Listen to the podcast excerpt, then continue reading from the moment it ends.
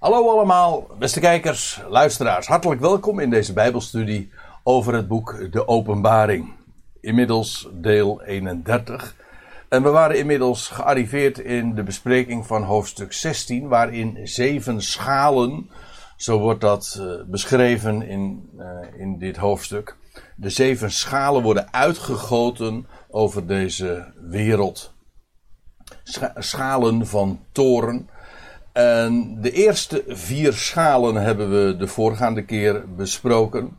En dat betekent dat er nog drie over zijn gebleven, uh, namelijk nummer 5, 6 en 7.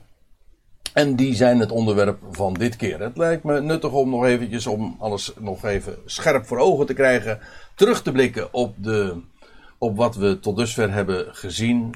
En erg belangrijk voor het verstaan voor de hele verhaallijn in het boek De Openbaring is dat de zeven schalen, in hoofdstuk 16 dus, parallel lopen met de zeven bazuinen, eerder in het uh, boek beschreven, hoofdstuk 8 en 9 en hoofdstuk 11 dan ook nog. Die schalen vallen niet samen met de, de bazuinen. Ze zijn er ook niet identiek mee, maar ze lopen wel parallel. Het begint met uh, de bazuin die geblazen wordt en het eindigt in de schaal. Dus eerst de eerste bazuin, dan de eerste schaal. Dan de tweede bazuin, dan de tweede schaal. En uh, hoe die dingen inderdaad synchroon lopen, min of meer.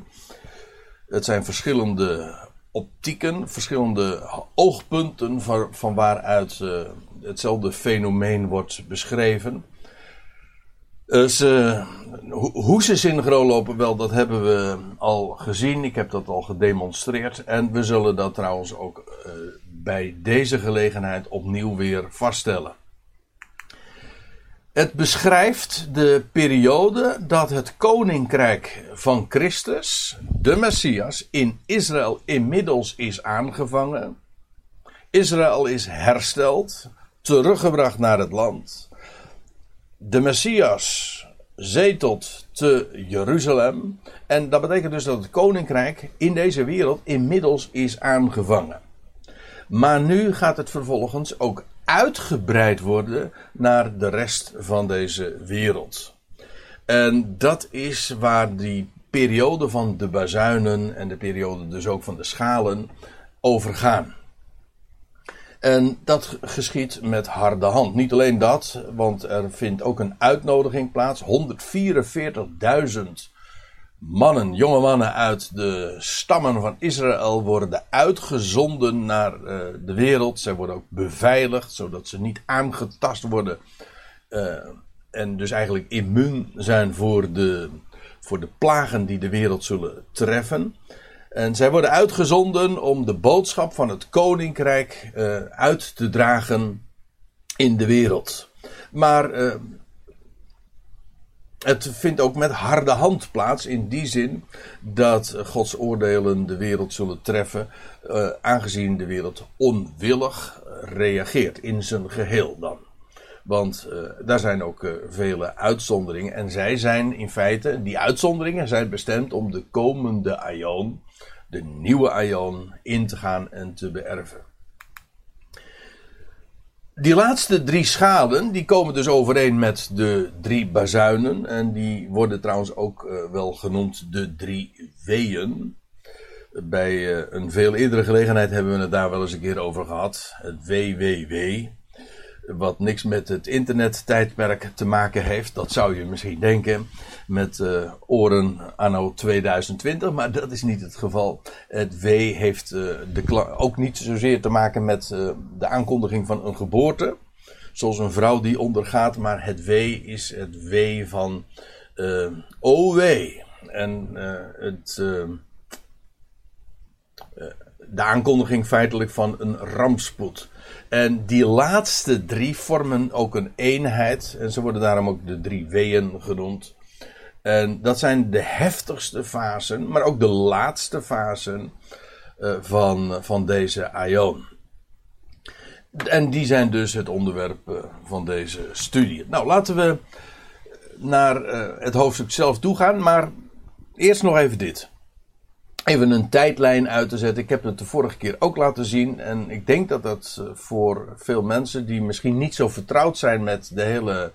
met de, de verhaallijn en de tijdlijn van het boek. Eh, om nog eventjes eh, goed voor, helder voor ogen te krijgen.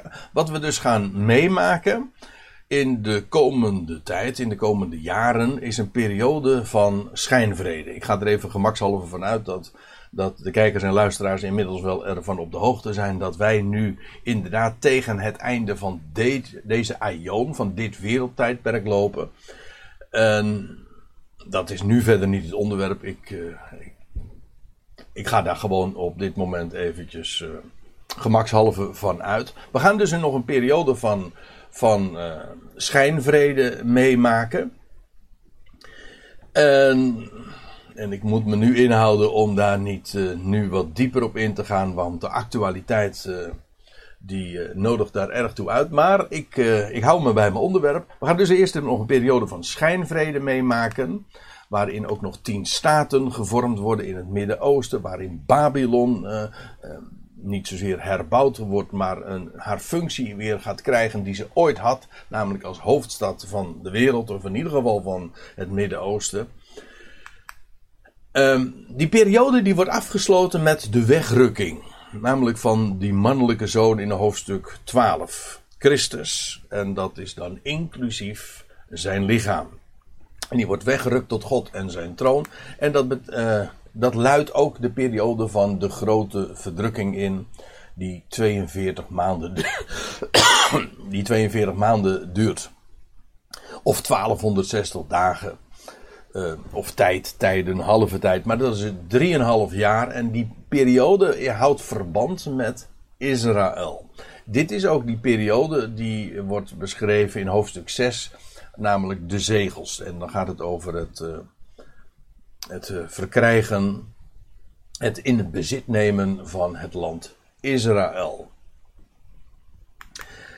Aan het einde van die grote verdrukking zal de Messias voor Israël verschijnen. Zijn voeten zullen staan op de olijfberg. En vanaf dat moment gaat Israël uh, hersteld worden. Dat is een hele procedure. Dat vindt in de woestijn plaats. En, en men zal optrekken zoals ooit onder, onder leiding van Jozua. En dat, dit is een herhaling van de geschiedenis. Uh, men zal optrekken naar het land, het land in bezit nemen, het verwoeste land en weer herbouwen. En, en Jeruzalem wordt de, de stad van de grote koning. En in die periode wordt uh, niet alleen Israël gesteld, maar ook die 144.000 waar ik het zojuist over had, uitgezonden. En dat, is, dat luidt dan de periode in van de zeven bazuinen. En, oftewel dus een periode van de zeven schalen. Nou, ik heb ze expres eventjes rood gekleurd, want uh, die laatste drie schalen, ja, die, die zijn, betekenen ook het definitieve einde van deze aion. En dat betekent dat de toekomende aion wordt ingeluid waarin alle volkeren zijn onderworpen aan de Messias. En waarin Satan trouwens ook gebonden zal zijn en niet meer in staat zal zijn om de volkeren te verleiden. Die duizend jaren, uh, die beginnen dus dan wanneer alle volkeren ook daadwerkelijk zijn onderschikt aan de grote koning. En dan is in feite er een heel nieuw wereldrijk begonnen, namelijk een Israëlitisch wereldrijk dat bestuurd en geregeerd zal worden vanuit Jeruzalem. Goed, nou, uh, dan gaan we beginnen bij, of dan pakken we de draad weer op bij vers 10 van hoofdstuk 16. En dan staat er, en de vijfde, de vijfde engel namelijk, uh, de vijfde boodschapper, die goot zijn schaal uit. Is eigenlijk priesterlijk werk. Wat hier gebeurt is uh, werk vanuit het heiligdom. Ik heb daar bij een voorgaande keer langer bij stilgestaan. Ik herinner alleen nog eventjes aan die, uh, aan die gedachte, aan die asso associatie ook. En de vijfde zijn. Neem me niet kwalijk. En de vijfde goot zijn schaal uit over de troon van het beest. En zijn koninkrijk werd verduisterd. En nu gaat het echt serieus worden. In die zin dat ook niet alleen maar het koninkrijk, maar zelfs de troon van het beest wordt geraakt. En dat is dus de plaats waar vanuit geregeerd wordt. Dat beest, dat laatste wereldrijk, uh, dat Babylon als hoofdstad heeft. En daarom denk ik ook dat de troon van dat beest gewoon zich bevindt in Babylon in die dagen. En, en zijn koninkrijk werd verduisterd. Dit doet heel sterk denken aan wat we lezen in, uh, in Exodus 10 als de plagen over, over het land Egypte gaan, de tien plagen. En dan is trouwens ook eh, de, de periode van, uh, of die plaag van duisternis die het hele land treft. Trouwens, in Israël was het licht, staat er dan. Of voor, voor de Israëlieten was het licht. Ga me niet vragen hoe dat kan. Dat laten we maar aan, aan God over. Het, uh, het feit wordt gewoon gesteld en beschreven.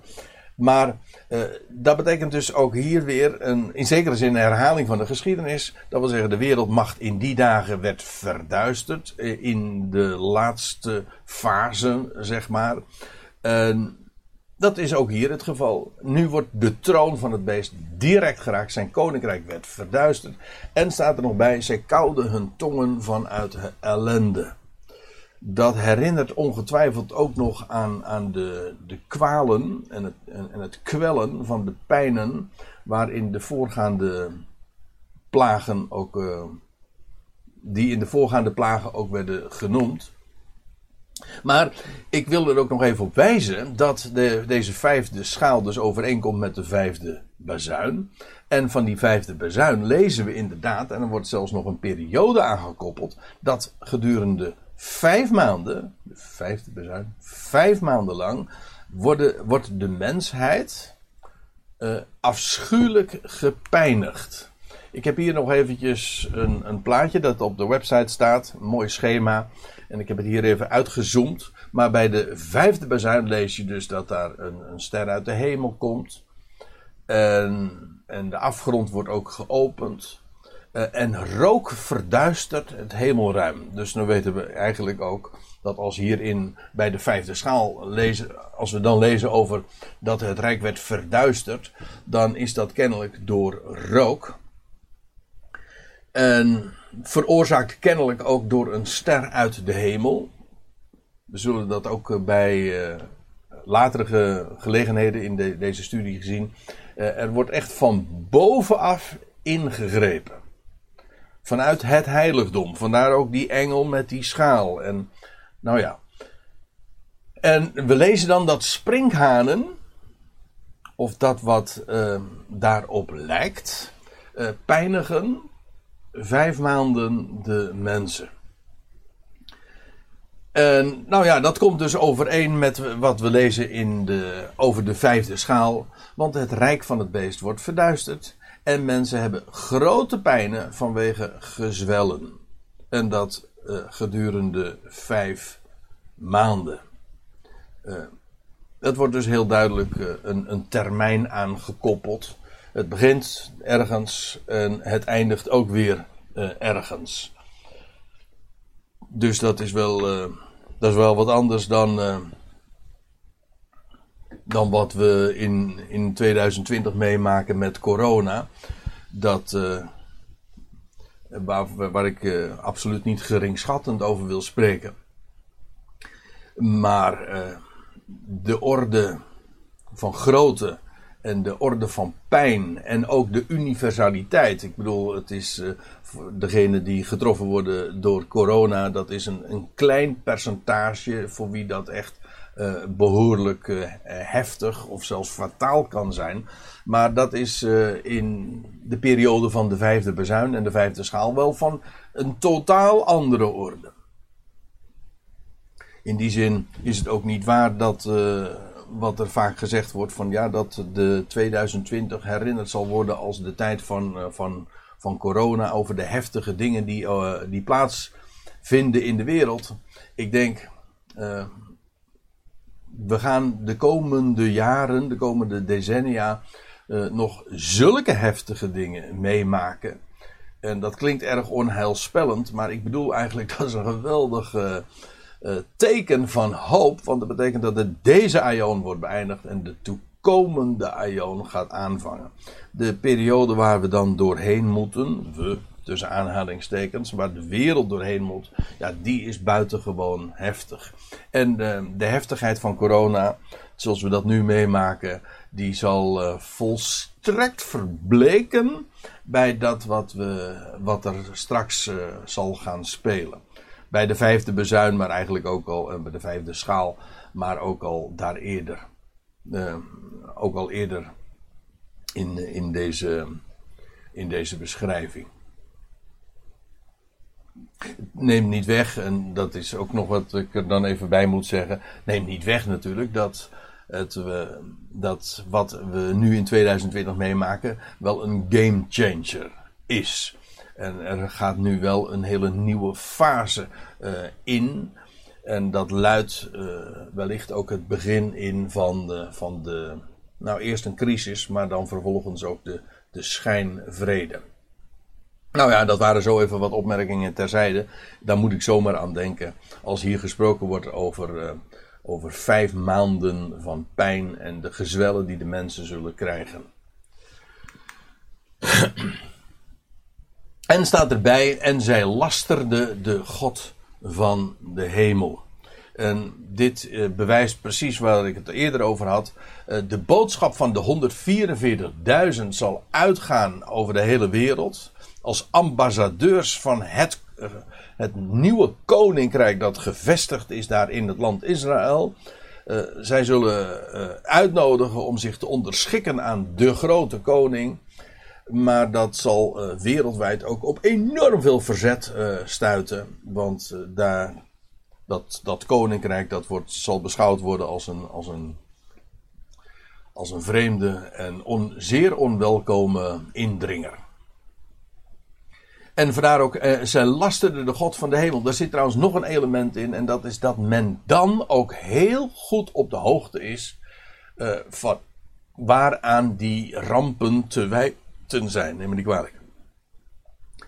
Zij lasterde de God van de hemel vanuit hun ellende en vanuit hun gezwellen. Dus dit is, uh, dit, dit, dit, is echt uh, huge, zoals de Engelsen dat zeggen. Dit is zo groots en zo een, een, universeel verschijnsel, de, die, die gezwellen, de pijnen en de ellenden waarin ze zich bevinden. En ze weten dat ze te maken hebben met de God van de hemel, die van boven heeft, af heeft ingegrepen. En, en vandaar ook de lastering naar die God. En staat er, ze bezonnen zich niet vanuit hun werken. Ze bekeerden zich niet, maar eigenlijk staat er in het Grieks het woordje metanoia. En dat heeft te maken met omdenken. Ja, de, de nieuwe feno fenomenen, de, de nieuwe feiten die zich zullen hebben aangediend in die jaren van de bazuinen, uh, maken wel dat men niet kan ontkennen dat daar uh, die ene God is en dat hij de God van Israël is en dat hij ingegrepen heeft. En het laat zich nu nog heel moeilijk indenken. Maar het profetisch woord zegt het. Dat uh, straks het een, een volkomen evident feit zal zijn. Dat, uh, dat God daar is en dat hij ingrijpt. En alleen men zal niks uh, van hem moeten hebben. En men gaat dat dus bestrijden. En men bezint zich niet vanuit hun werken. Men zou natuurlijk, als men goed bij gedachten, bij van zinnen zou zijn, dan zou men toch wel een keertje bedenken van dat waar ze mee bezig zijn natuurlijk heel onverstandig is. En men zou ook moeten erkennen van, ja, we gaan het onderspit delven. Dat gaan ze ook doen. Maar daar komen ze niet achter door, uh, uh, door deze, of in ieder geval daar, tot die erkenning komen ze niet uh, door deze rampen. Eerder al niet door de, het, het getuigenis dat tot hen was gekomen, maar ook niet door de harde hand. Ze bezonnen zich niet vanuit hun werken. Uh, uiteraard is dit met uitzondering van degene uh, die wel gehoor geven aan, aan, aan de boodschap. En hoe dat getalsmatig zal zijn, hoe, hoe die verhoudingen dan zullen liggen, dat, uh, dat weet ik niet, die, eerlijk gezegd. Er, ik heb, er zijn goede bijbelse redenen om aan te nemen dat dat toch wel degelijk nog een heel groot gezelschap zal zijn. Maar hoe de verhoudingen zullen liggen, dat, uh, dat weet ik niet. Nou ja, het is nu ook even niet het onderwerp. Laat ik verder gaan. Dit was dus de vijfde schaal. En nu komen we bij vers 12. En de zesde uh, goot zijn schaal uit over de grote rivier de Uivraat. En zijn water droogde op. hey, de Uivraat. Dat is die rivier die ook bij de zesde bazuin zo'n grote rol speelde. En opnieuw zien we hier weer, voor de zoveelste keer, bevestigd dat inderdaad die bazuinen en de schalen uh, synchroon lopen. Laat ik ook daarvan eventjes een plaatje uh, voor uh, vertonen. Ook ontleend aan datzelfde schema dat op de website is te vinden. En bij de zesde bezuin, uh, daar gaat het om de uivraat. Dat is eigenlijk dat, uh, dat zijn de, de twee hoofdelementen. En een leger en oorlog. Je leest bij die zesde bezuin hele eigenaardige, wonderlijke dingen. Vier boodschappers, vier engelen zo u wilt, worden losgelaten bij de uivraat. Dat is in hoofdstuk 9 dat dat beschreven wordt. En dan twee keer myriaden van myriaden twee keer tienduizenden van tienduizenden. Als je, ze, als je het omtelt, of als je het uh, gewoon berekent, dan kom je al op 200 miljoen. En wat dat uh, precies is, daar hebben we het.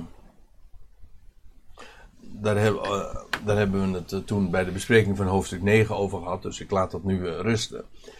wonderlijk genoeg je leest dan ook in eerste instantie dat er een derde van de mensen wordt gedood. Dus er vindt een gigantische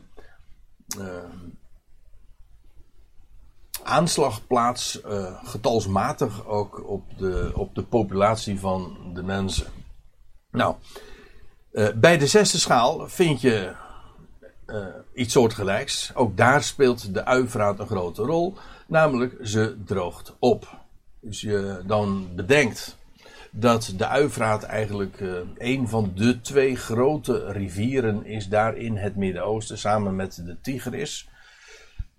En, ja, en het, het gebied tussen die twee rivieren, dat is een enorme vruchtbare delta. En te midden van zoveel woestijn daaromheen. En vandaar ook eh, het woord Mesopotamië betekent letterlijk ook tussen de rivieren. En dus dat duidt op het gebied, het huidige Irak voor een groot gedeelte, uh, het gebied tussen de Uivraat en de Tigris. Maar het is de Uivraat waar de, waar de stad Babylon aangelegen is, die opdroogt.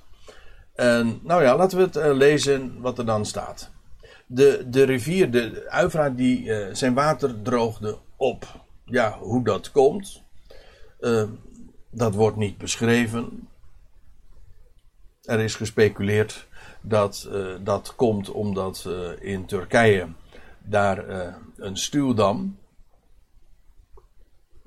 wordt afgesloten. Zodat, dat wil zeggen waar de, de Uivraat zijn, zijn oorsprong vindt. Want laat ik het eventjes lezen. Of laat ik eventjes een kaartje zien. Dan zie je dus dat de Uivraat, evenals de Tigris trouwens, daar in het westen van, of in het oosten van Turkije of Armenië uh, ontstaat. En die daalt zo af, uh, nou ja, richting de Persische Golf. En ja, dat is, en dat gebied tussen de rivieren, dat ligt dus ten oosten en ten noorden, ten noordoosten dus van, van het land Israël. En het is die uivraat die opdroogt en daar aan, bij de aanvang of bij het begin van de uivraat, daar heb je stuwmeren. En als die natuurlijk worden afgesloten, dan, eh, dan kan de stroom helemaal worden omgelegd. En dan zou de Uifraat dus droog komen te staan. Of dat inderdaad de reden is, betwijfel ik. Maar laten we uh, daar verder niet over speculeren. Het heeft domweg uh, geen, geen zin om dat te doen. Uh, het is genoeg om te lezen. Het water droogde dus op van de Uivra. Die, die komt dus blank of droog te staan. En dat is om de weg gereed te maken van de koningen. Is dat symbolisch of ook letterlijk? En ook hier denk ik weer, de weg wordt gereed gemaakt, hoe dan ook, van de koningen die van de opgang van de zon. En dat is dus het oosten. Dat is een wat uh, dichterlijke manier om te zeggen van uh, de opgang van de zon. De, aangezien de, on, de zon verrijst in het oosten, zijn de koningen die van de opgang van de zon, de koningen dus van het oosten.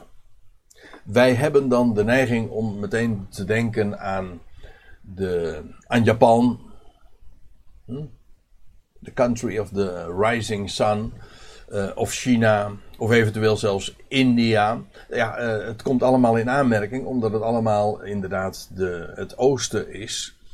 Ik vraag me trouwens af of dat hier aan de orde is. Ik denk uh, eerlijk gezegd dat we te maken hebben met, met, met het rijk dat geregeerd wordt vanuit Babylon. En dat is inderdaad ten oosten, ja ook ten noorden, maar ook ten oosten van Israël. En uh, van hieruit uh, zullen de koningen dus opereren. En als die uivraat drooggelegd wordt, ja, dan waar gaan ze, waar kunnen ze dan naartoe gaan? Nou, richting het westen. En dat betekent dus dat ze uh, zullen optrekken vanuit het gebied van Babel. En optrekken naar het land Israël, waarvan ik. sorry, waarvan eh, we dus al opmerken dat daar inmiddels eh, de koning, der koningen, zijn rijk gevestigd heeft. En ja, en dat is wat hier nu uh, aan de orde is. Uh, er, gaat een er, wordt een oorlog gepland en hier wordt eigenlijk de, de, de, hele situatie al gereed gemaakt, zodat die koningen vanuit het gebied van Babel, ten oosten van Israël dus, van dus de, de koningen van de opgang van de zon, zodat ze met gemak kunnen optrekken richting het westen, lees richting Israël, lees richting het dal van Megiddo, maar daar, uh, nou loop ik eventjes vooruit op de gang van zaken. Eerst nog vers, dit, vers 13. En ik nam waar. Ik, Johannes dus, die uh, heeft zijn ogen en oren goed open. En vanuit de mond van de draak. En de symboliek wordt hier, nou niet zozeer hier, maar elders in het boek duidelijk uitgelegd. Want daar wordt gezegd, ja, die draak, dat is de tegenstander, de diabolos, de dooreenwerper. En de oude slang, de slang van ouds, weet u wel, die uit de Hof van Ede. In hoofdstuk 12, vers 9 wordt dat zo gezegd. En dat is de draak. En ja, hier worden ze als een, eh, een drie-eenheid uh, gepresenteerd. Want die draak die speelt onder één hoedje met het beest. En die draak wordt namelijk uh, al bij de wegrukking van die mannelijke zoon uh, geworpen op de aarde en dan, ja, dan incarneert hij ook in, in dat, uh, in dat in de leider van dat wereldrijk. Het beest, het gaat hier over het beest uit de zee, hè, uit de Volkerenzee. Dat, dat laatste wereldrijk, met die tien hoornen, weet u wel, uh, en zeven koppen. En het is dan die achtste kop, want het is uiteindelijk de leider. Uh, die, dat, die achtste leider, die ook de zesde is. Ja, wat nu zeg is, als je nu zomaar invalt in de Bijbelstudie, uh, abacadabra. Want dat is wel heel erg cryptisch. Maar even kort gezegd, het komt erop neer dat vijf leiders zullen vallen. Achtereen of tegelijkertijd, dat laat ik in het midden. En dan de zesde leider komt op. Maar die wordt gedood. Wordt vervolgens. Uh, zijn plaats wordt ingenomen door de zevende leider. Maar die zesde leider, die, die een dodelijke wond krijgt, die herstelt. Hij staat op uit de dood. En vanaf dat moment ja, is hij, die zesde leider is in feite de belichaming ook van een demonische macht. En hij is dus tegelijkertijd de zesde, maar ook de achtste. Want hij opnieuw, want die zevende moet dan vervolgens ja, weer het veld ruimen, want uh, nummer zes neemt het weer over. Maar aangezien hij na de zeven komt, is hij ook de achtste. Ja, uh, dat is trouwens een thema wat we pas uh, in een van de volgende keren gaan bespreken. Want dit is ook iets wat in hoofdstuk 17 aan de orde zal komen. Hier wordt gesproken dus over de draak, over het beest. En het gaat hier over die, de, de leider van dat wereldrijk. Dat, uh, soms worden die twee uh, min, min, of meer met elkaar geïdentificeerd. Dat wil zeggen, de leider die representeert dat wereldrijk. In ieder geval uit de mond van het beest. En uit de mond van de draak dus. Maar ook vanuit de mond van de valse profeet. hey, dat is een eigenaardige, want die kennen we nog niet. Maar hij is heel makkelijk te identificeren. Want uh, hij is namelijk uh, dat beest uit het land. In hoofdstuk 13 lezen we over twee beesten. Twee leiders, politieke leiders ook. Eén uit de Volkerenzee. En één leider uit het land. Dat, we praten nu over de periode van de grote verdrukking. En dan is hij, uh, en vanuit Israël zal er een leider zijn die zijn support zal geven aan die leider uh, van de tien staten. Dus uh, dat is uh, ook wat die grote verdrukking tot een grote verdrukking gaat maken. de leider van Israël zal het helemaal opnemen voor dat wereldrijk in het Midden-Oosten. Dat, is, dat zal zich vermengen, ja, die twee. Twee, val, twee elementen die zich niet laten vermengen, maar goed. Um, hij wordt in hoofdstuk 13 genoemd het beest uit het land. Maar hier uh, vanaf. In, in de navolgende hoofdstukken heet hij niet meer het beest uit het land. Maar heet hij gewoon de valse profeet. Dat is hier zo. En later in hoofdstuk 19, in hoofdstuk 20 wordt hij weer genoemd de valse profeet. En ik denk dat de reden heel uh, eenvoudig is. Als je de tijdlijn goed kent en op je laat inwerken. Want het koninkrijk dat in inmiddels in deze periode is gevestigd in Israël. De Messias heeft daar het koninkrijk overgenomen. Dat betekent dus dat, die, dat, dat, dat, die, dat dat beest uit de aarde, het beest uit het land, in feite geen politieke macht meer heeft. Hij is er dus uitgezet. Maar hij blijft functioneren als valse profeet. Dus hij heeft uh, geen politieke macht meer.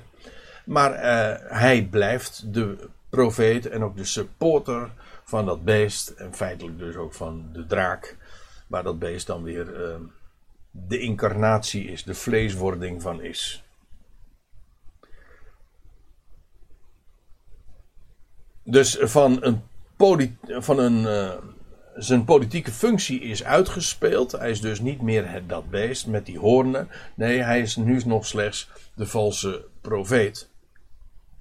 En uh, uit de mond van de draak en het beest en vanuit de valse profeet komen drie onreine geesten als kikkers. Dus uit hun, uh, alle drie de monden komen onreine geesten. Uh, het zijn letterlijk geesten, uh, maar ze zijn als kikkers. En dat is dus figuurlijk. Daarmee worden ze vergeleken. En in, de Hebreeuwse, in het Hebreeuwse denken zijn kikkers onreine dieren, ongeschikt ook om te eten. En uh, het idee hier is, als u het mij vraagt ook, uh, dat van een kikker, ja, dat springt weg. En kikkers die, die verspreiden zich. Wij zeggen dan van uh, probeer maar eens kikkers in een kruiwagen te houden. Ja, dat gaat je niet lukken. Kikkers die hebben de neiging om weg te springen.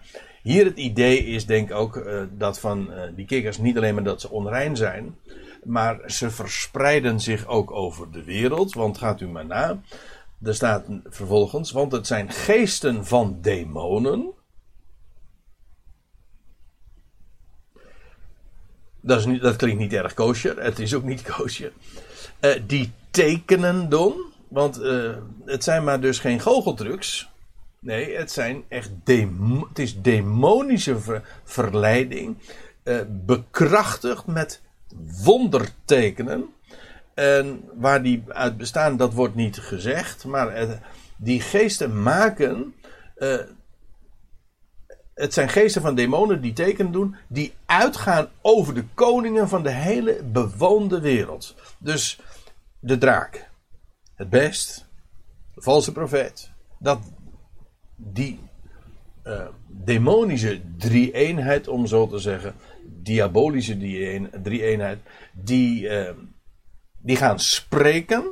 Het komt uit hun mond immers. En zij verleiden de koningen van de hele bewoonde wereld. En dat doen ze ja, echt demonisch, maar ook zeer indrukwekkend, want ze doen tekenen. Uh, dat betekent dus dat het zeer overtuigend zal overkomen. En waartoe uh, verleiden zij hen? Wel om hen te verzamelen tot de oorlog van de grote dag van de Almachtige God. Nou, dan moet je inderdaad. Uh, dan moet je inderdaad wel hele overtuigende tekenen doen om zoiets waars uh, te gaan ondernemen. Om, om een oorlog te gaan aanvangen tegen de Almachtige Pantocrator, uh, de Almachtige God. Het idee is, we zullen dat straks ook in vers 16 zien, dat uh, hier is sprake van uh, het initiatief van de draak en het beest en de valse profeet om een oorlog te gaan aanvatten. Dat is hun perspectief. In werkelijkheid is het God die hen daar naartoe trekt. Dat is een hele wonderlijke samenspel, want het is aan de ene kant demonisch. Het, de, de intenties die zij hebben zijn, in, uh, zijn demonisch. Maar uh, God overroelt die intenties en hij brengt ze gewoon bij elkaar om ze te verzamelen op zijn grote dag. De grote dag van de Almachtige God. Dus het is door hen, door die geesten, die, of zo u wilt, door de, dat wat voortkomt uit het beest en de draak en de valse profeet, eh, dat is bedoeld om het gevestigde koninkrijk van de Messias te verslaan. De almachtige God die zich inmiddels herkenbaar heeft gemaakt en die zo duidelijk nu ook opereert en van zich doet weten. Wel, uh, nu gaat er dus een, een, een grote oorlog gestart worden. Nou ja, die wordt hier eigenlijk geïnitieerd, ge, uh, die wordt uh, voorbereid. Nou ja, de, de uivraat is inmiddels uh, drooggelegd. En nu worden ze eigenlijk, er wordt een oorlog georganiseerd tegen de Almachtige God. en tegen dat, dat vervelende, irritante, ergerlijke koninkrijk dat daar in Israël is begonnen. En dan staat er, het is min of meer een tussenzin, let op, ik kom als een dief. Ja, uh, namelijk, uh, een wat doet een dief? Nou, die neemt weg. Nou, dat is precies wat er vanaf uh, in deze laatste periode van deze aion ook gaat gebeuren. En zeker nu ook uh, er een oorlog georganiseerd wordt. Uh, de Heer zegt: Ik kom. En ik kom als een dief. Uh, voor hen is dat natuurlijk ook onverwacht. Zij, denk, zij komen niet, ik bedoel, het, het zijn onreine geesten die verleiden. Op een heel overtuigende manier. Maar ze realiseren zich niet dat wat er nu gaat plaatsvinden, is uh, zij, dat, uh, dat zij, zij zelf zullen worden weggenomen als door een dief. En, uh, en plaats moeten maken. En uh, we zullen, ja, zullen worden weggenomen van deze aarde. En de Heer zegt: Let op, ik kom als een dief. Ik ga dat, ik ga, ik ga nu grootschalig wegnemen van deze aarde. En dan staat erbij: gelukkig hij die waakt. En zijn kleding bewaakt. Gelukkig hij die waakt, dat is degene die dus wakker is en zich realiseert in, in welke tijdspanne uh, nu is aangebroken. En dat zijn dus degenen die gehoor hebben gegeven aan dat, aan dat eeuwig evangelie, waarvan we in hoofdstuk 4, 14 lazen.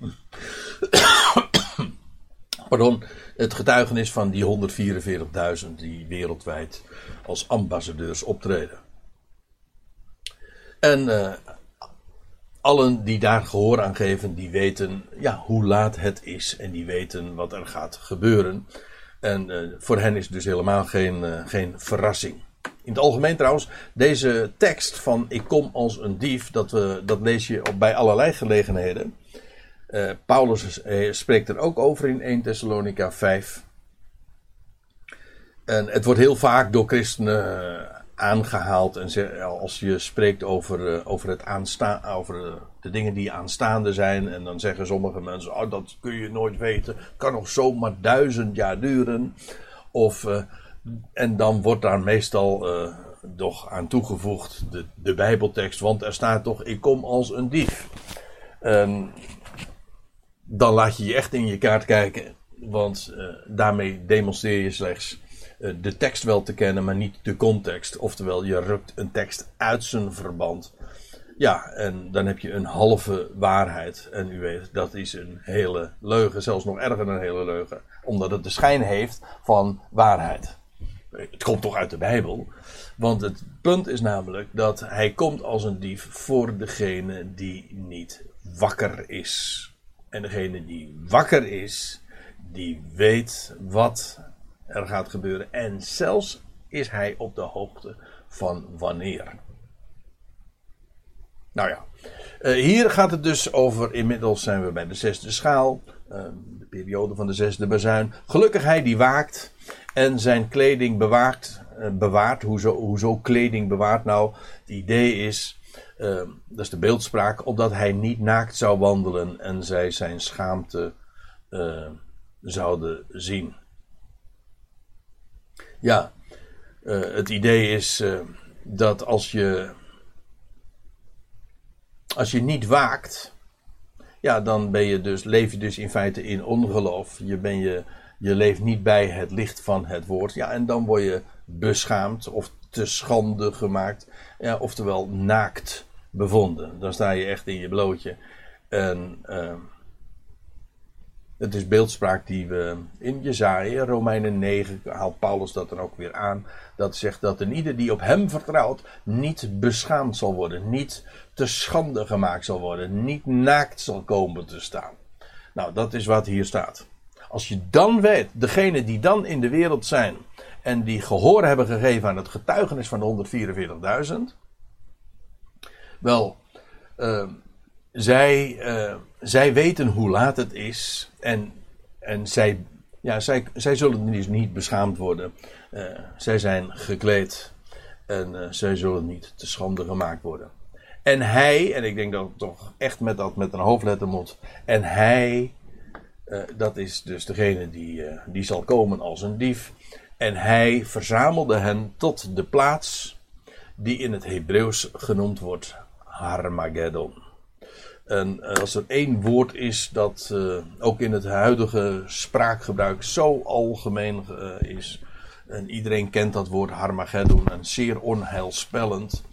En er zijn allerlei religieuze sectes trouwens ook. Ik denk met name aan die Jehovah's getuigen. Die daar een algemene term voor hebben gemaakt. En eigenlijk ook weer zo generaliserend eh, is, is de term. Uh, Harmageddon staat eigenlijk voor, voor eindtijd, voor de, het wereldeinde. Maar ik zal je vertellen, Harmageddon is gewoon een geografische aanduiding. Het is een Hebreeuws woord En het, het eigenlijk, uh, het is de vergrieksing van, van een Hebreeuws woord Harmageddon. Harmageddo. Dat Megiddo is wat omstreden. Maar uh, Har betekent in principe de berg of eventueel de hoogte. En uh, eigenlijk Megiddo, dat is, uh, een, dat is de vlakte van Megiddo. Dat is dus eigenlijk helemaal geen berg. Integendeel, dat is een enorme grote vlakte.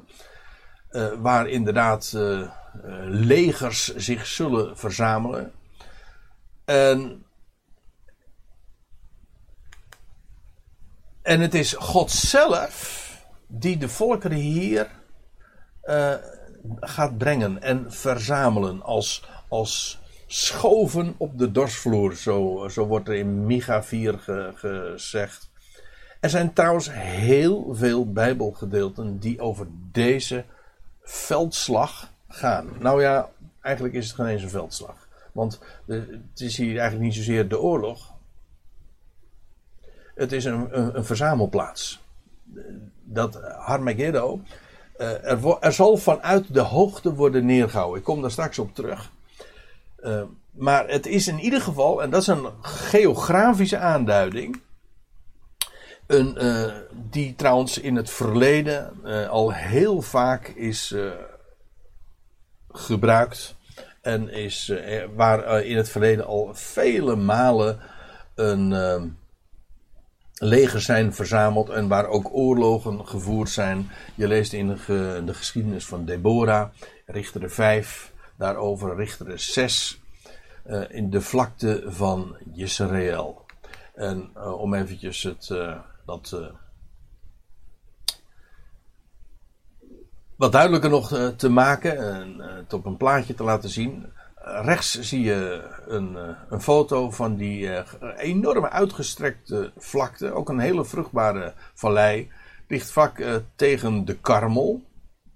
Dat is wel een berg.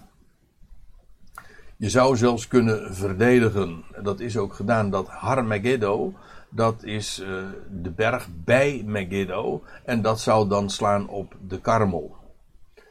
wat typologisch interessant is. Want was het niet zo dat ook uh, Elia daar uh, ooit uh, bewees dat, het, of middels Elia het bewijs werd geleverd dat Yahweh de God is. Maar hoe dan ook. hier dus ligt die, die vlakte van Israël, de vlakte van Megiddo. Kijk het maar eens na in, in je concordantie. Dan kom je dat woord in de Hebreeuwse Bijbel, het Oude Testament, heel veel keren tegen. En dat ligt daar in het noorden van Israël, even vlakbij uh, Nazareth en Cana. Nou ja, de plaatsen die we vanuit het Nieuwe Testament maar al te goed kennen. De heer Jezus heeft in de dertig jaren dat hij opgroeide, uh, ja, uh, keek hij hier op en is hij hier zoveel keren geweest. En toen als mens, als jonge man in, in vernedering, Straks zal hij daar gaan optreden. Maar dan uh, bij uh, een heel andere gelegenheid. In zijn verschijning als de koning der koningen en de heer der heren. Wat heel belangrijk is voor het verstaan, is dat deze oorlog, of deze verzameling in openbaring 16, vers 16,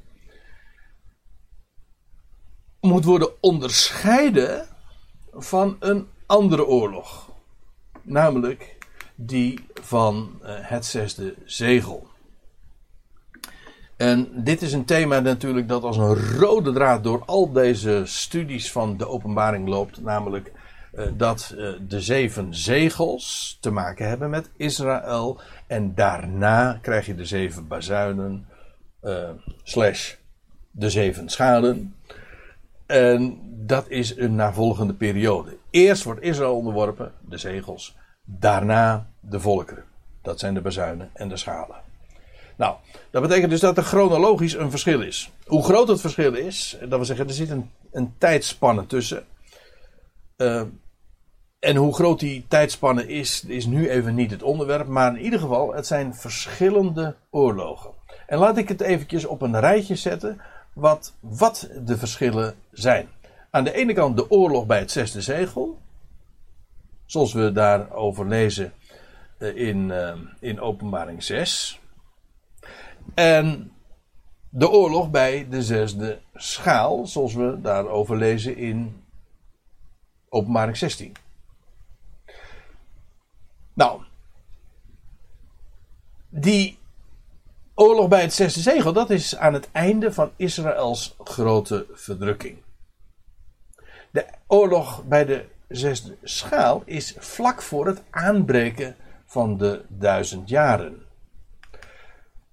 De oorlog bij het zesde zegel, dan bij die gelegenheid wordt de Joodse staat, de huidige Joodse staat, verwoest. Er blijft niets van over. Bij de oorlog van uh, het zesde zegel is Israël inmiddels hersteld. Het volk is in gerustheid. En de volkeren worden nu door God zelf daar verzameld. Dat weten zij niet. Zij zijn door onreine geesten verleid on, en overtuigd en levend in de waan dat zij nu uh, definitief dat koninkrijk, die indringer, uh, gaan vernietigen.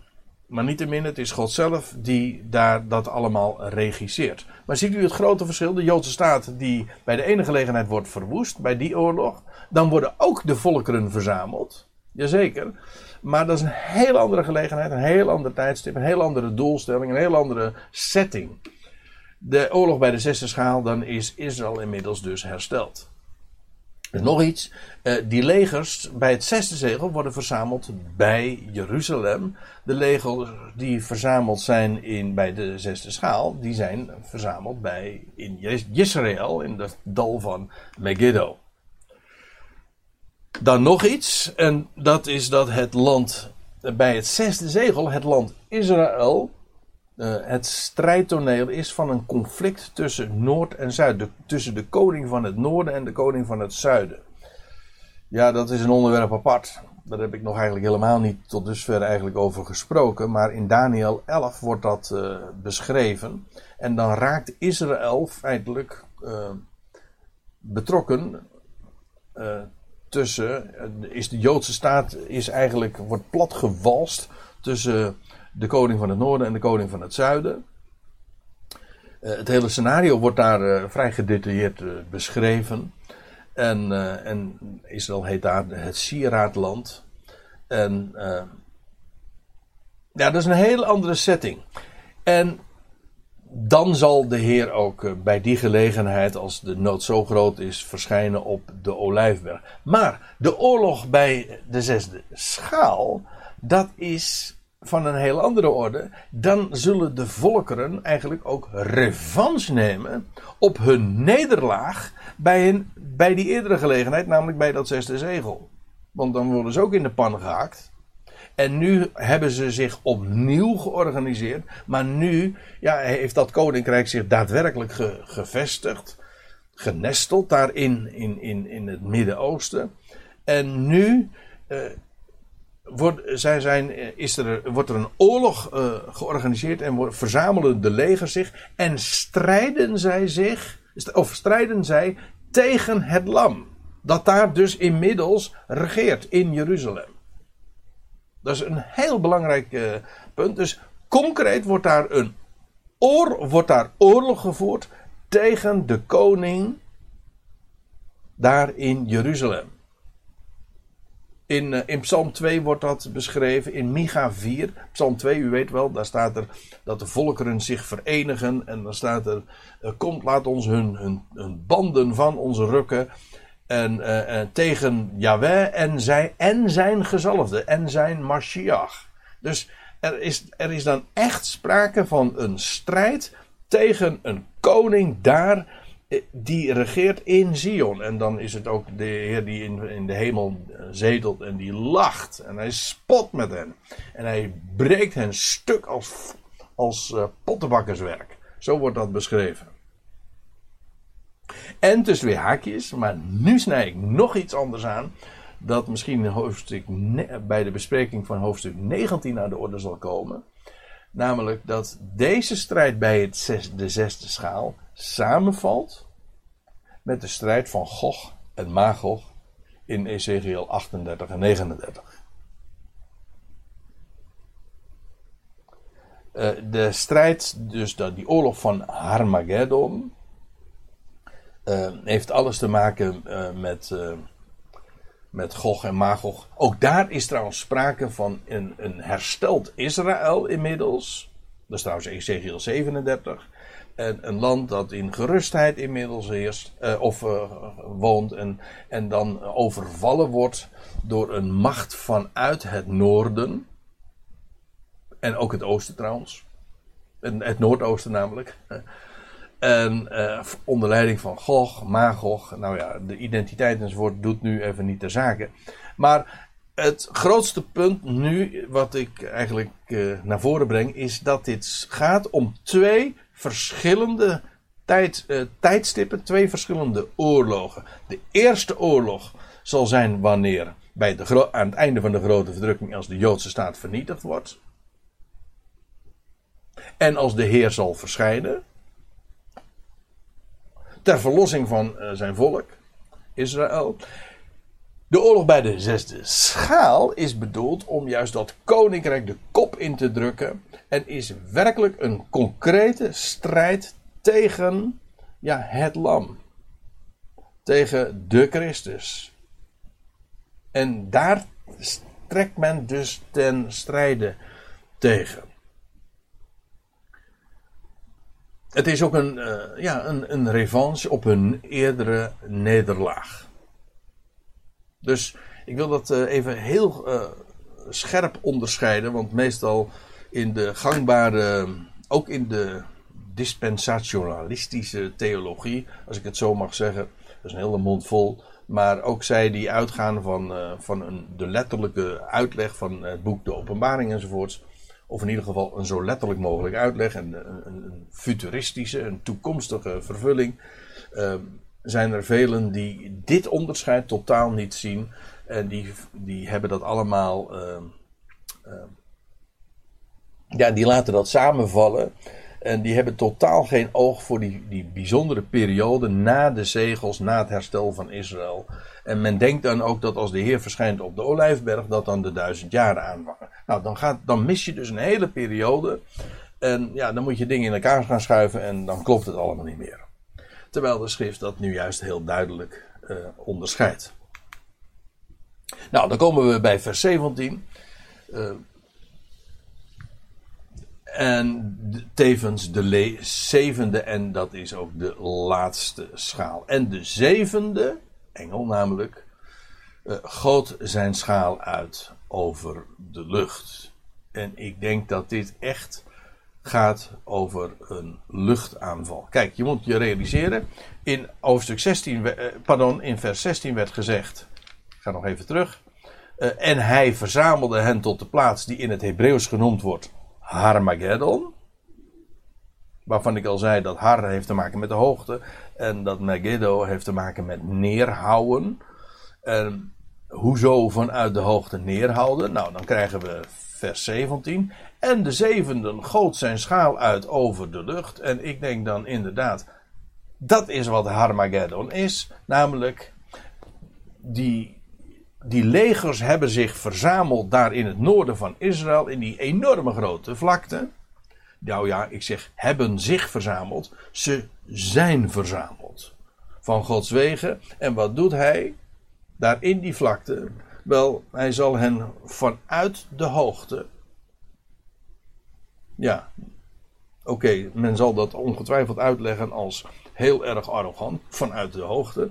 Ja, maar hij zal hen vanuit de lucht aanvallen. En vanuit de lucht ook, vanuit de hoogte vernietigen.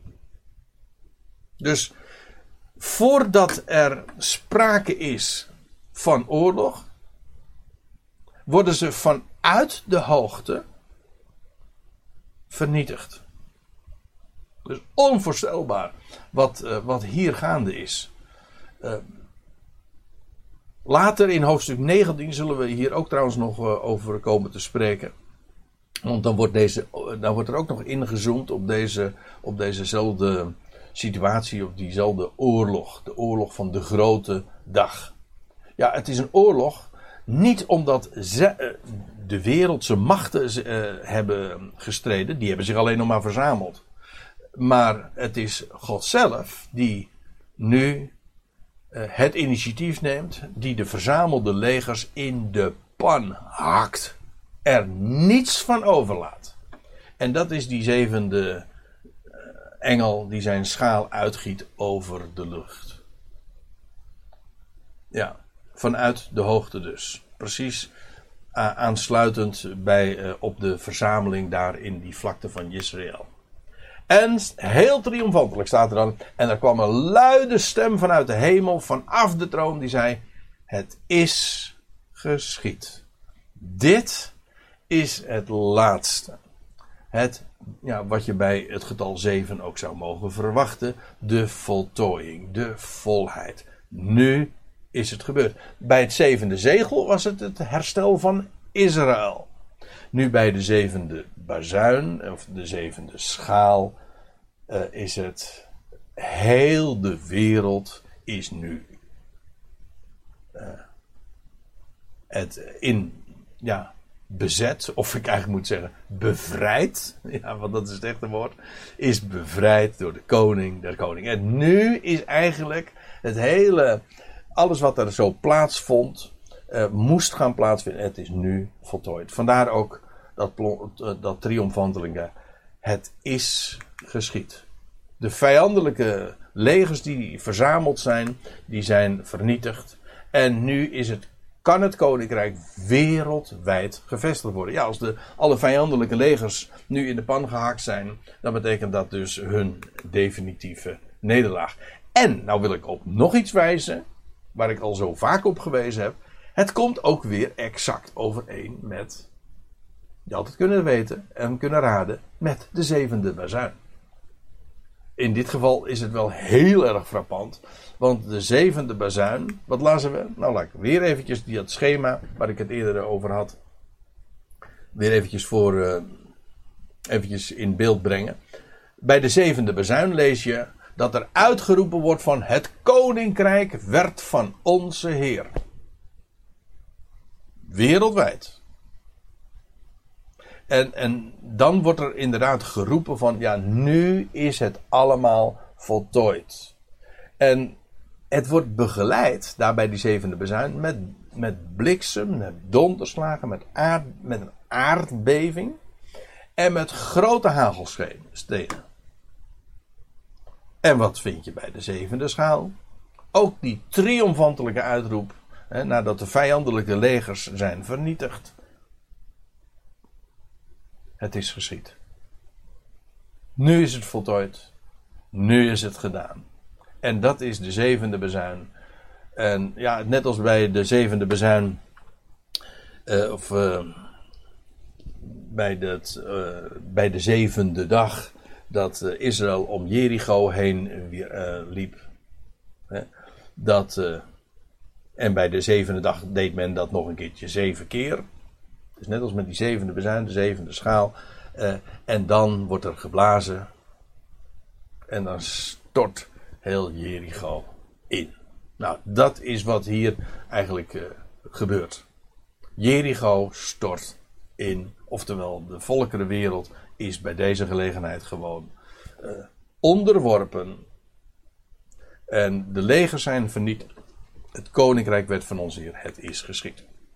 En zoals bij de zevende bezuin. En er geschieden bliksemflitsen, stemmen en donderslagen. Met andere woorden, alles.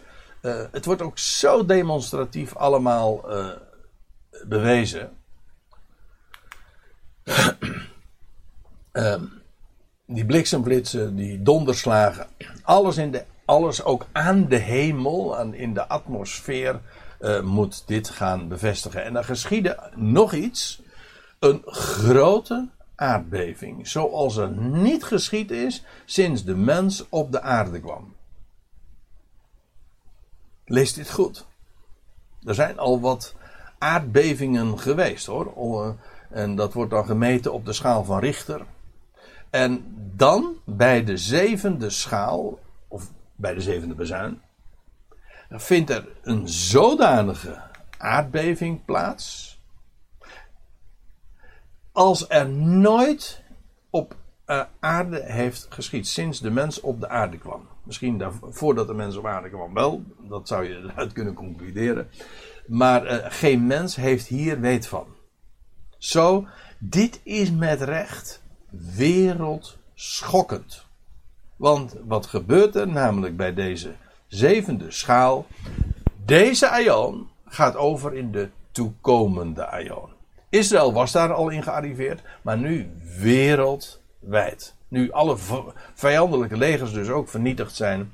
Ja, nu is het geschied. Dit is inderdaad uh, een, een zodanige aardbeving, zo wereldschokkend, uh, letterlijk en figuurlijk. En van zulke proporties staat er zo hevig, zegt de MBG-vertaling, van zulke proporties was deze aardbeving zo groot, zo mega. Ik, eerder zei ik al, uh, hoofdstuk 16 van Openbaring, dat is het, het mega hoofdstuk. Uh, er is geen hoofdstuk in de Bijbel waar zo vaak sprake is van mega, van groot. Nou, dit is. God pakt het zo groots aan. En, uh, en dit, deze grote aardbeving bevestigt dat alles. En wat er dan gebeurt, is nog iets. Namelijk dat het grote bolwerk. Uh, waar dat rijk van het beest, dat al eerder trouwens getroffen was door duisternis. En nu valt het echt helemaal uiteen. En die grote stad, dat is natuurlijk het grote Babylon. Dat verzin ik niet, staat er gewoon bij. En de grote stad viel uiteen tot in drie delen. En de steden van de natie vielen. En het grote Babylon. Ja, dat is dus die grote stad. Nee, ik moet eigenlijk anders lezen. En het grote Babylon werd voor God in herinnering gebracht. Ja. Dus uh, de grote stad die nu inderdaad door die aardbeving uiteenvalt in drie delen.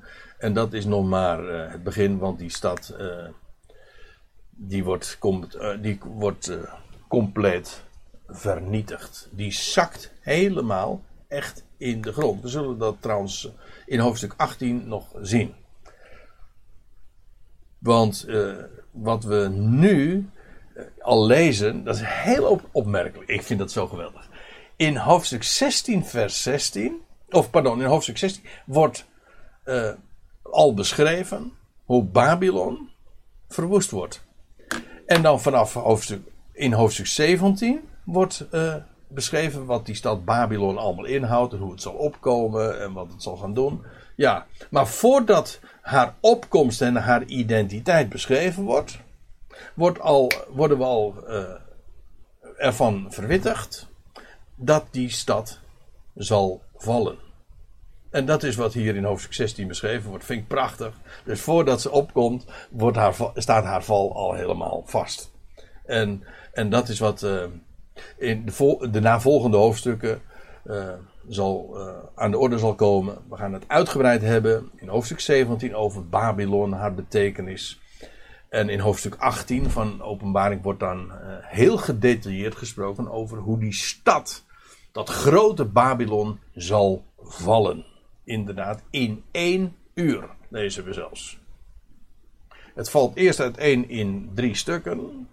En vervolgens zakt het, ik denk zelfs letterlijk, uh, gewoon naar beneden. Het, uh, in de grond. Er blijft niks van over. Het zal ook niet herbouwd worden. Ook dat wordt beschreven. En uh, het grote Babylon staat er, werd voor God in herinnering gebracht. Om aan haar te geven de drinkbeker van de wijn van de woedende toren van God. Vergis je niet. Uh, dit, uh, wat hier staat, Babylon staat model voor, voor de opstand tegen de God van Israël.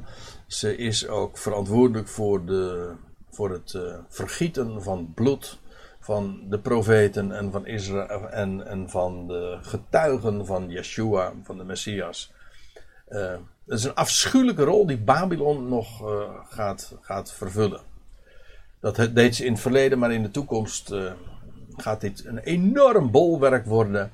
En, en God gaat daar korte metten mee maken. Want hij is woedend op, op wat er in die stad allemaal uh, zal, uh, of in dit geval heeft plaatsgevonden. En, en zo, God gaat dat demonstreren. En, en in Jeremia 25, ik kom daar later ook nog op terug. Dan lees je ook dat Babylon uh, de laatste stad is. Dat zie je trouwens ook. Uh, het, het bolwerk waar het beest zijn residentie heeft, dat zal als laatste de drinkbeker drinken. Alle volkeren moeten uit die beker drinken die God geeft. En Babylon als laatste. En staat erbij, en elk eiland vluchten. Ja, dat nog steeds natuurlijk in verband met die enorme, die mega aardbeving.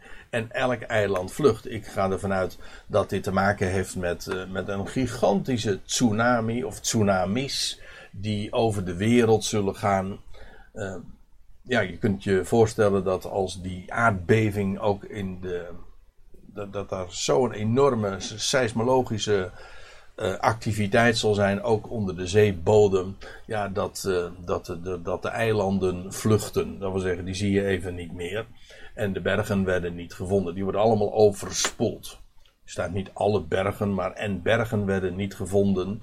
Uh, het idee is dat ook de, de zeeën de, de, het land zullen overspoelen vanwege die enorme aardbeving. En dan nog iets, alsof dat alles nog niet genoeg is. En er staat bij, als een soort. Uh, ja, beslissende slag. Uh, nog en grote hagel, weer dat woordje mega, als een talent zwaar daalde vanuit de hemel neer op de mensen. Moet je je even goed voorstellen. Een talent, dat is een Grieks uh, aanduiding voor een gewicht. Ja, het is ook een uh, betaalmiddel, maar als aanduiding van een gewicht staat het voor ongeveer 34 kilogram. Nou, dan komt er hagel vanuit de hemel uh, van, van deze orde van grootte en van, deze, van dit gewicht. Dus dat is inderdaad giga, of zo u wilt, mega. Grote haal een talentzwaar daalde vanuit de hemel neer op de mensen. En de mensen lasterden God. De, de, de laatste der Mohikanen, zeg maar. Uh, zij die nog overgebleven zijn. En hun tanden knarsen. Uh, en de mensen lasterden God. Ja, want ja, uh, het is met recht met zwaar geschud. letterlijk zwaar. Wordt van bovenaf we hebben dat nu al op allerlei manieren gezien. De lucht die eh, vanuit de lucht wordt eh, erin gezet. Eh, er wordt uitgegoten vanuit de hemel. Van bovenaf, top-down. De allerhoogste, die grijpt hierin. En de mens die niet wil, ja, die kan alleen maar voeteren en lasteren en vloeken maar het onderspit gaat hij delven. Ik moet er even, nog even één ding bij zeggen. En dat is erg belangrijk. Kijk, wij leven nu in de tijd van de verborgenheid. De Heer verbergt zich. En vandaag gaat er een boodschap uit, het evangelie, het goede bericht van, van verzoening. En God gaat alle vijandschap verzoenen. Hier in de openbaring is dat niet aan de orde. Er zijn er heel andere verhoudingen. God is hier ook niet de God die zich in zijn genade demonstreert. Ik zeg niet dat dat element uh, er niet in, zit, maar dat, is niet, dat treedt niet op de voorgrond. Hij grijpt in, zoals God vandaag juist niet ingrijpt. Mensen denken dat soms wel. Uh, die zeggen dan, uh, als er onheil ergens gebeurt of een of andere ramp, dan denken ze dat God ingrijpt, maar dat is niet zo. God grijpt nu juist niet in. God laat uh, de boel de boel. Hij laat af. Hij, hij laat de mens aan, zich, aan zijn lot nu in zekere zin over. Hij grijpt niet in. Dan wel. Nu kijk, wij hebben een heel andere verhouding ook tot onze Heer. En wij, wij, wij spreken over Hem, wij, ik bedoel als gelovigen spreken over onze Heer Jezus Christus als het hoofd van het lichaam en zijn organisch met Hem verbonden. Maar de verhoudingen dan zijn van een andere orde. De mannelijke zoon, dat is degene die de natieën zal hoeden met een ijzeren hoede, met een ijzeren roede. En dus niet, niet een organische verhouding van hoofd-lichaam, maar een, de koning der koningen, die, uh, die alle volkeren aan zich onderwerpt. Niet goedschiks, dan, dan kwaadschiks. En dat is de fase waarin, uh, waar openbaring over gaat. Over de, als, als de Heer openbaar wordt. En, en, en de waarheid van de verzoening, die moet je hier niet uh, zoeken. Dat is net zoiets als dat je Moskou niet in de Verenigde Staten moet zoeken.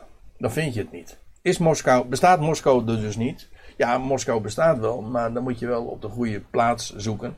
Dat geldt ook met uh, de dingen in de tijd. Als je uh, de slag bij Nieuwpoort moet je niet in de middeleeuwen zoeken. Om maar wat te noemen. Nee, als je het daar eh, zegt van hé, hey, ik kom het nergens tegen. Nee, dat is ook logisch. Want dat vond namelijk in een andere tijd plaats. En, en dat is met de, de waarheid van de, de universele verzoening, zoals, de, zoals Paulus daarover spreekt en zoals dat vandaag mag klinken. Ja, is niet het onderwerp van het boek De Openbaring. Dat gaat over een heel andere periode van de wereldgeschiedenis. En u moet zich realiseren, alles heeft zijn tijd. En dit is de tijd van de openbaring, van het ingrijpen van God, waarin hij inderdaad als krijgsheer ook zal optreden. Als een krijgsman, een krijgsheld. En zo de volkeren aan zich onderwerpt. En dat zijn, eh, dat, zijn, dat zijn hele andere verhoudingen, een hele andere relatie, een hele andere setting, een hele andere context, een hele andere tijd dan die we ja, die uh, vandaag speelt. Maar ik moet erbij zeggen, een tijd die uh, ja, aan het aflopen is. De klok tikt. Ik vind het van belang om dat uh, op te merken, want anders zou je zomaar kunnen denken dat als je dit zo leest, dit is zo, zo vreemd. En het is ook vreemd als je dit legt naast de inhoud van de brieven van de apostel Paulus. En dan zeg je van ja, maar dat kan ik niet rijmen. Nee, dat moet je ook niet rijmen. Dat staat naast elkaar. Dat heeft een andere setting, een hele andere tijd. En je moet de dingen daar laten uh, waar ze thuis horen. En het is niet vaak, maar bij deze wil ik dan toch graag even een uitspraak van uh, de kerkvader Augustinus citeren. Met grote instemming. En die schijnt gezegd te hebben dat. Uh, ik. lieg ik, dan lieg ik in commissie, maar die schijnt gezegd te hebben, en ik ben meerdere malen tegengekomen, onderscheid de tijden en de schrift is in harmonie met zichzelf. Dat wil zeggen, laat de dingen in de setting, in de tijd waarin God ze zet, en de schrift harmonieert. Ga je het mixen, dan klopt het niet meer. Dan verdraagt het zich elkaar niet meer. Dus, uh, nou, wat we hier in Openbaring 16 dus lezen, is hoe God inderdaad uh, van bovenaf, met zwaar geschut, inderdaad deze aion afsluit. En ja, de volgende keer zullen we ons uh, gaan bezighouden ja, met hoofdstuk 17 van de Openbaring. over, ik heb het al gezegd, over het, de stad Babylon en de betekenis die zij zal hebben. En ook dat wordt weer erg boeiend. En ik denk ook erg actueel, want als er iets is wat ik verwacht voor de komende tijd, is juist de opkomst van uh, Babylon.